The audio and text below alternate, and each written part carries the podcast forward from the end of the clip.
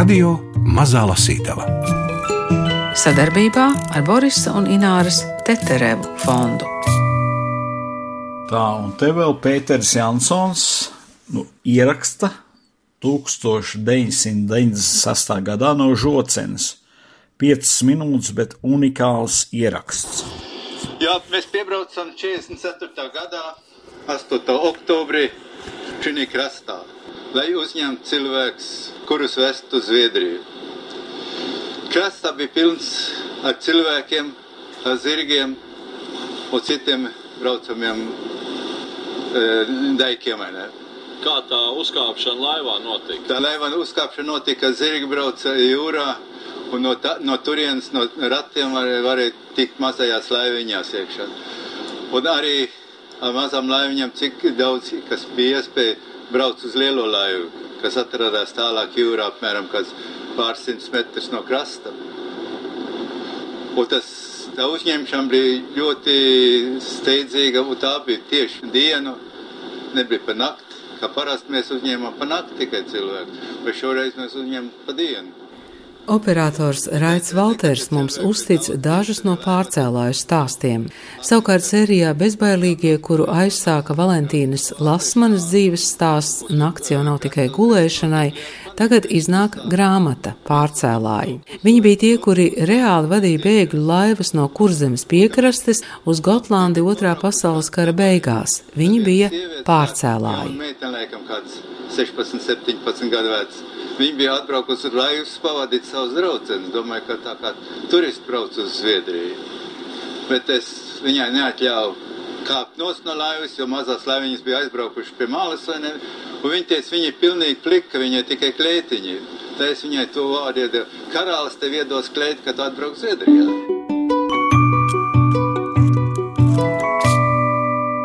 Droši vien, ka ir jāsāk ar to, kā raiti tev sākās tas stāsts ar pārcēlājiem. Tas bija sen.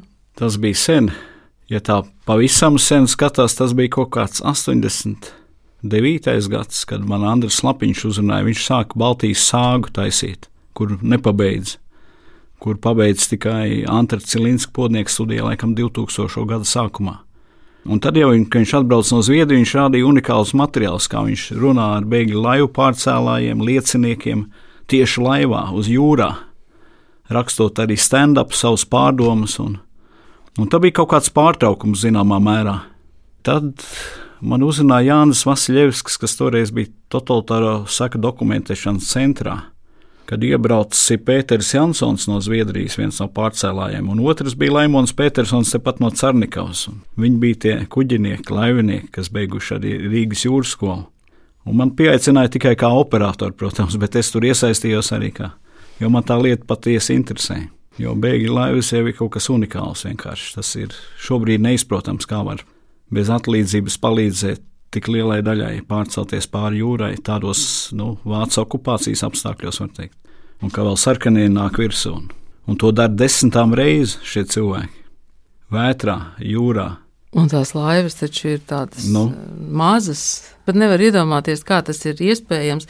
Vai, teiksim, mūsdienās, ja varētu paņemt tādu nu, līdzīgu laivu un mēģināt pārcelties uz, uz Gotlandi. Es nezinu, kā mums tas sanākt. Starp citu, tas cilvēks, ko intervēja Pēters Jansons, viņš ir pirms kādu divu gadu Gotlandē dzīvoja, sieviņa Zviedrieta.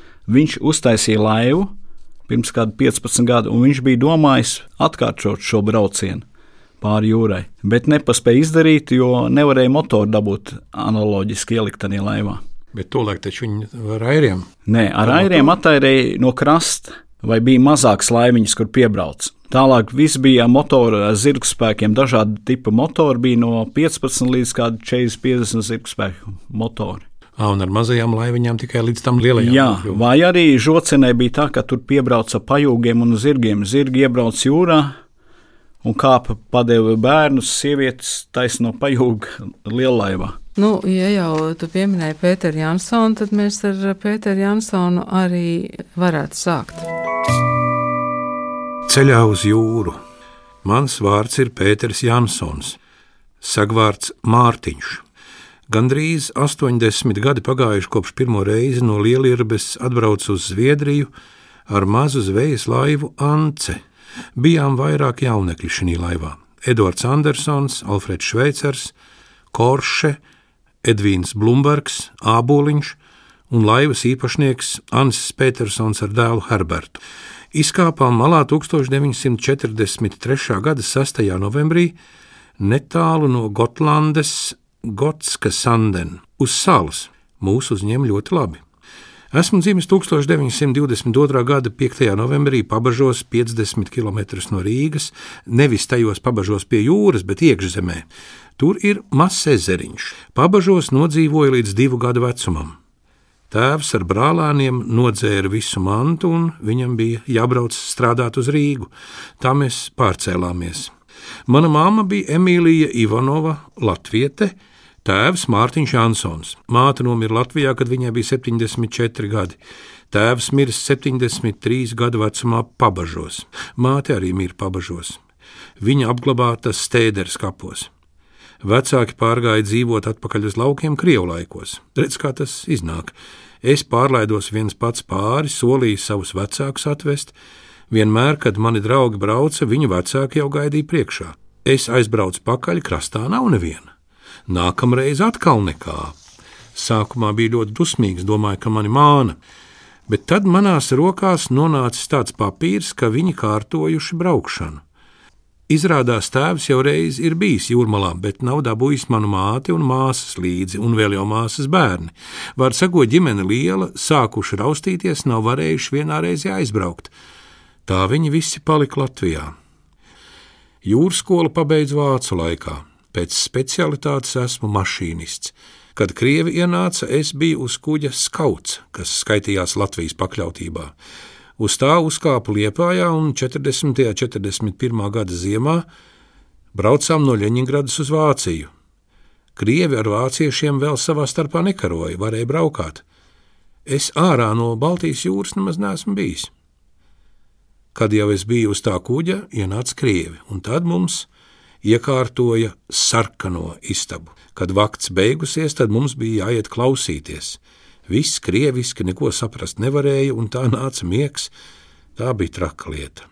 Mēs visu laiku bijām uz kuģa, tādēļ es krievu mežonības neesmu redzējis, es biju jūrā. Kā ir ar tiem pārcēlājiem, Rait, vai viņus kaut kādā veidā organizēja? Kā cilvēki uzzināja, kurā brīdī, cikos, cik cilvēki, kā viņi paši kursēja. Nu, tad, acīm redzot, kādam tai Gotlandē bija jāsagaida tos cilvēkus. Sākums vispār bija stihisks, jo tas jau notika 44. gada rudenī, kad Krievija ienāca Rīgā, tas saprata, ka jābēg.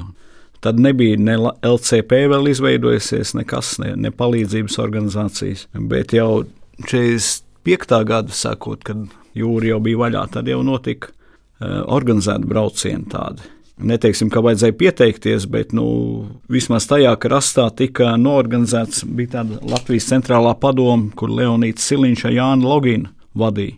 Un viņi savukārt sastrādāja amerikāņu un eh, angļu izlūkdienestu, lai dabūtu finansējumu, jo tas viss tika organizēts izrādās pāri jūrai.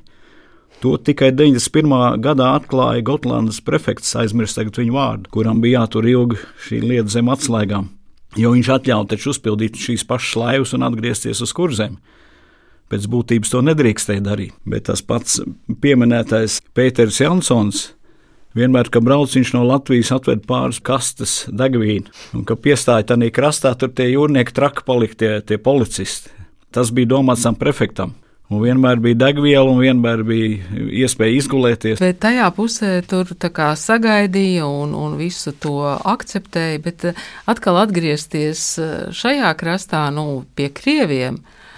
Es domāju, kāda var būt tā emocionālā aizmugure. Nu, tu faktiski brauc, un tu brauc uz kaut kādu ļoti bīstamu vietu.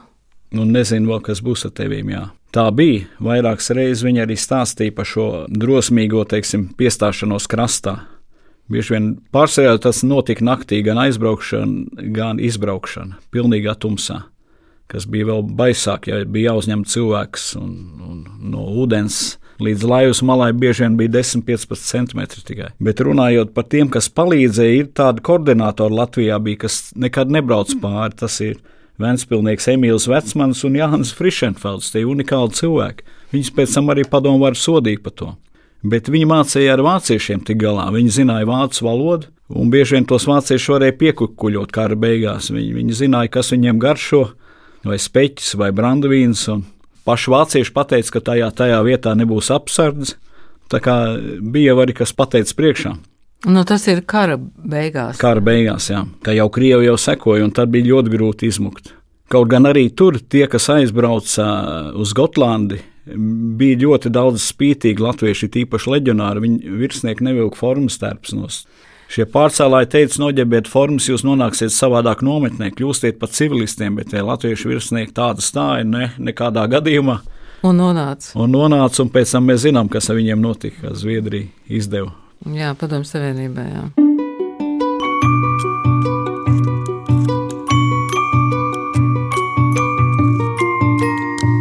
Radio Mazā Lasītava. Nu, interesanti tie vīri, bet, bet viņi tā labprāt stāstīja. Tas jau bija 96. gads, jau lab- 2002. tad jau viņi stāstīja.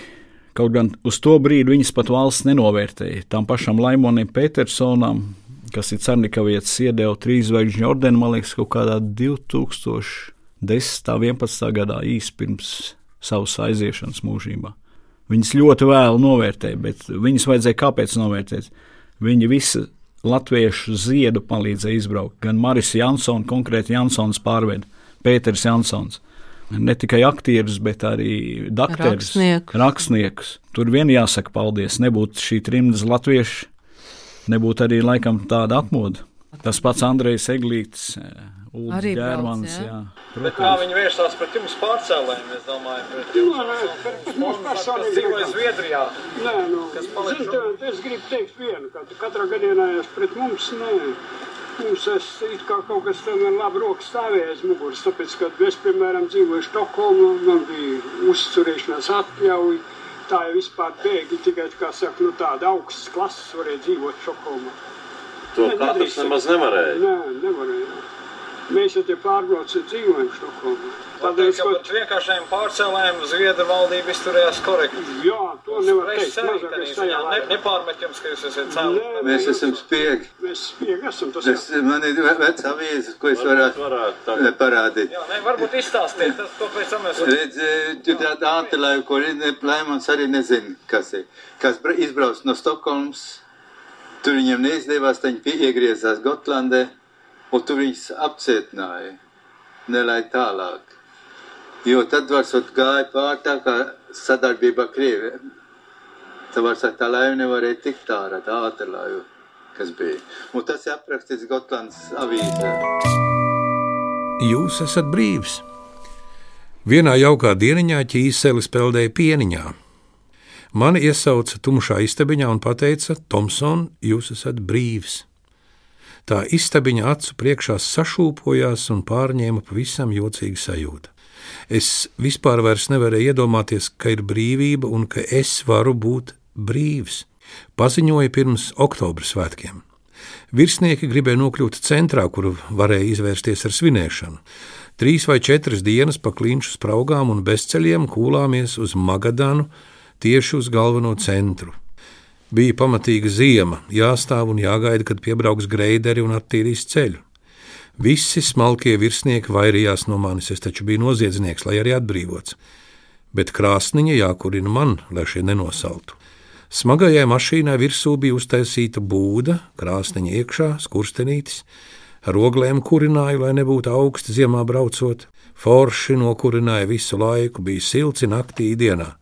Lai gan dienas tur vispār nebija, jo aiz polārā loka ir nakts, visu laiku, viss vienā tumsā. Mums uz rokas maksāja trešo daļu no nopelnītā, vēl trešdaļa aizgāja valdībai kā nodoklis, un pārējā nauda krājkasē, lai būtu ar ko iesākt dzīvi pēc atbrīvošanās. Kad aizgāju uz krājkas ar savu jauno pasi, man iedeva baigo čupu červoncu. Vairāk par tūkstoti noteikti bija. Magadanā man ielika kopmītnē. Tur bija liela zāle, kur kriminālie un politiskie gaidīja pavasari, kad varēs tikt uz cietzemi ar kuģi. Varēja arī lidot ar lidmašīnu, ja vien bija nauda. Uz Habārovsku bija reizes vienreiz nedēļā. Es aizgāju painteresēties, eh, cik maksā biļete. Bija diezgan dārga, un mana naudas čupiņa palika plānāka. Baidījos, ka to naudu kāds ieraudzīs un mani nožmiegs, taču nekas tāds nenotika. Es iekāpu lidmašīnā. Ja būtu aizšuvis zeltu aiz oderes, pārbaude uzreiz signalizētu, ka tur ir metāls, bet par pārbaudēm jau visi zināja. Manā koferītī bija tikai audekls un daži papīri. Vilciena biļete jau bija nopirkta, apmaksāts arī brauciens ar kuģi no Kolīmas līdz Buhta vaņinai, un tālāk no Buhta vaņinas apmaksāta dzelzceļa biļete līdz pat Daugaupilī. Atkal interesanti, pie tās atbrīvošanas man uzreiz prasa, Uz kurieni tu gribi braukt pēc atbrīvošanas? Es saku, uz Latviju, uz Valmieru. Nē, nē, skatās tajā kartē, kur tā Valmiera. Nē, tā ir pie jūras tuvumā. 300 km no jūras tikai varot dzīvot. Lai es netieku pie jūras, kā atkal nevar braukt uz Zviedriju pāri. Šie pēta, pēta uz tās Latvijas kartes, kas ir vis tālāk prom no jūras, uz Daugaupili. Vilcienā jau es braucu kā pasažieris, nevis lopu vagonā. Man kabatā diezgan pabieza kārtiņa naudas, tajā laikā es kolimā spēlēju ģitāru, un tā arī man līdzi, un muguras somiņa, tur vēļa un kaut kādi vajadzīgi sīkumi. Visa bagāža man tāda, kad es kāpu tajā vilcienā. Un arī lidmašīnā man tā ģitāra bija līdzi. Tā es ar savu ģitāru klejoju pa pasauli. Habārovskas vilcienā brauc trīs turīgi onkuļi, cits uz Maskavu ciemos, cits no Sibīrijas, Tiem visādi šņabīši līdzi, un mums ir svētki. Katru dienu maza dropīte ar dziesmām. Es pratu krievu dziesmas, un šie dzied līdzi, un tik lūdzu, lai uzspēlē Erika Eduardoviča, uzspēlē vēl, uzspēlē šito dziesmu, Volga, Volga, Maķa radnājā, un vēl Zamielovieķir dorogu. Tās viņam patika vislabāk un bija jāatkārto daudzas reizes. Tā es braucu ar dziesmām, bet naudiņu gāju uz beigām. Vajadzēja mest mieru līksmēm. Arī krievečiem beidzās krājumi un tie nomierinājās. Izrādās, ka man nebija atļauts braukt cauri Maskavu, bija jābrauc apkārt, un tas brauciens iznāca baigi garais. Jau bija tuvu zilupēji, es pīpēju un nolēmu, jāizdara kaut kas labs. Braukšu pāri robežai, atmetīšu smēķēšanu. Skatos tilts pāri zilupēji, ievilku pēdējo dūmu un papīros paciņu izmetu pa logu atbrauc Latvijā, sākās īsts ķīselis, pārdzīvojumi un darīšanas, pīpēšana nebija neprātā. Tik viegli bija atmest. Paskaitīja, ka kopumā esmu smēķējis vairāk nekā desmit gadus. Tagad esmu priecīgs, ka man nav atkarības no nikotīna. Atbraucu Daugaupilī, eju uz miliciju reģistrēties. Vai jums ir, kur palikt Daugaupilī? Es saku, nav man piederīgi ir Valmierā. Nu tad jau brauciet uz Valmieru. Nu, paldies! Es braukšu, es saku. Mana māsa, vecāki, visi ģimene bija izsūtīti. Viņi bija atbraukuši mājās vienu gadu agrāk par mani. Tad tas nozīmē, ka viņš jau atgriežas no izsūtījuma. Jā, Tomsons. Šajā grāmatā varat lasīt trīs pārcēlāju stāstus - Pētera Jansona, Laimoņa Petersona un Erika Tomsona. Bet vai par tiem vīriem ir kāda tāda filma jau? ir vienīgi podnieks studijā tapusi Tā, tā. Baltijas sāga, ko pabeidz Andris Lapiņš iecer. Tā ir šobrīd vienīgā. Diemžēl, jā. Mm, Pats tu negribi uztaisīt filmu. Vispār, tagad skatoties, tas materiāls ir tā kā acis lūpā, jo Ir, tik spēcīgi veči. Un, starp citu, viens ļoti interesants stāsts ir Laimonim Petersonam, kas dzīvoja Cernikavā. Viņš aizved tagad vienu kārtējo laivu, nu, viņi neskaitīja laivas, tur 10, 12, un izkāpa ārā Gotlandē visi vētri, un skatās viens jāboļmais paņēmis līdzi. Tā vietā, lai izvēlētu kādu bērnu, kādu cilvēku kaut ko vērtīgu, viņš ir paņēmis ābolus, 50 kg ābolus. Nu, smieties vai raudāt, Bet tā vietā varēja būt kāds bērns. varēja būt. Baisais brauciens, kad zvejnieks, tā ir tā liela laiva, atradās dažus simtus metru no krasta, tam pienāca klāt maza laiviņa. Es ar to aizbraucu uz krastmalu, lai norganizētu bēgļu ātrāku pārcelšanu. Bija jāsteidzas, jo uz zvejnieku laivas nāca cita pēc citas. Krastā bija cilvēku jūra, gāja stunda pēc stundas, un laiva pildījās ar bēgļiem un mantām. Kad mantu jau bija vairāk nekā cilvēku, es aizbraucu vēlreiz uz krastmalu un pateicu, ka uz laivas atļaus uzkāpt tikai cilvēkiem bez mantām. Jūtu, ka laiva tiek pārlādēta un aizbraucu vēlreiz malā apskatīties, cik daudz to cilvēku ir. Vairāk nevar uzņemt. Es vienam puisim teicu, tu vari nākt man līdzi uz laivu, bet pa priekšu uztais traci. Pasaki, ka vācieši nāk. Šis uzreiz aizgāja tālāk mežā, lai parādītos it kā no meža. Es tikai dzirdēju, kā viņš kliedz, vācieši nāk. Visi tie cilvēki bija uztraukušies. Tie, kas gaidīja mazajās laiviņās, griezās atpakaļ. Aizbrauca vēlreiz uz krastu un redzēja, ka tas ir gandrīz tukšs. Tad devu Žanim rīkojumu iedarbināt mašīnas. Jābrauc, kavēties ir bīstami. Laivu vadījām abi ar Žani Fonzovu. Motors sāka darboties, un zvejnieks attālinājās no krasta. Izcēlās liela brēka, jo dažiem krastā bija palikuši radinieki un draugi. Citi bija atbraukuši līdzi tikai tādēļ, lai atvadītos. Kāda meitene vieglā, gaisīgā kleitiņā lūdzās, lai ļauj atgriezties, jo viņa tikai pavadījusi draugus uz laivu. Viņa grib atpakaļ uz krastu. Nu, nekā meitene bija jābrauc līdzi. Tagad visiem laivas bēgļiem bija jācer uz likteņa labvēlību un jāklausa abu zvejnieka vadītāju rīkojumi. Krasts lēnām pazuda skatam. Pēc stundām, piecām, sešām, zvejnieks atkal apriņķoja kolkas ragu, un bāka sāka rādīt pareizo ceļu uz brīvību. Kad braucu apkārt kolkas ragam, sāku just, ka laivā zem borta ir tikai kādi divi centimetri līdz ūdenim. Iebraucot irbes šaurumā, vēja stiprums pieņēmās, laivu un braucējs sāka apšļakstīt ar jūras ūdeni. Ar katru vilni laivas smagums pieauga, tā iegrima dziļāk un ātrums vēl vairāk samazinājās. Otrā dienā sāka pūst vējš, drēbes samirka, slapjās drēbes deva papildu smagumu. Arvien vairāk ūdens sāka krāties laivas dibenā. Pie rokas pumpja visu laiku mainījās palīdzīgas rokas. Drošības pēc sāku stūrēt laivu uz serves ragu, kur ir sēkļi, un, ja gadītos nelaime, būtu iespējams izglābties. Redzēju, ka esmu uzņēmies pārāk lielu atbildību, atļaudams tik daudziem cilvēkiem uzkāpt uz zvejnieka. Cik daudz bija bēgļu uz laivas, es nezināju. Laiva bija paredzēta 150 cilvēkiem, un tā bija pārlādēta. Nu, ko lai es tagad daru?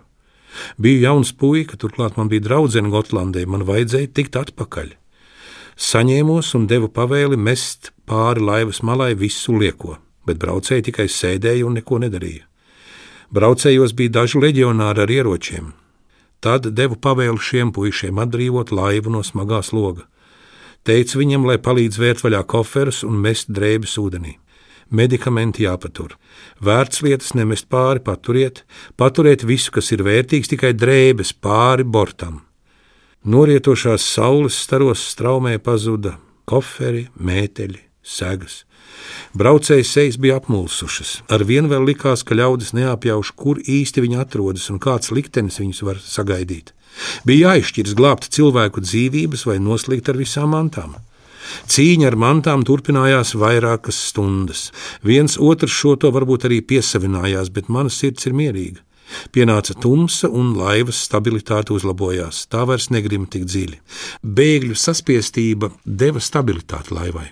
Zvejnieks pārbrauca serves raga sēkļus un uzņēma kursu uz Gotlandi. Ideja veidot grāmatu sēriju bezbailīgie dzima tad, kad Dāvida Holmērta izstādes un fotoalbuma atklāšanā 2015. gadā Rīgā Nacionālajā bibliotekā satikās Ēriks Tomsons, Lidija Lasmana Doroņina, Dzidra Liepiņa un vēl citi, kuru dzīvēs bēgļu laivām un pretestības kustībai bija pavisam konkrēta nozīme.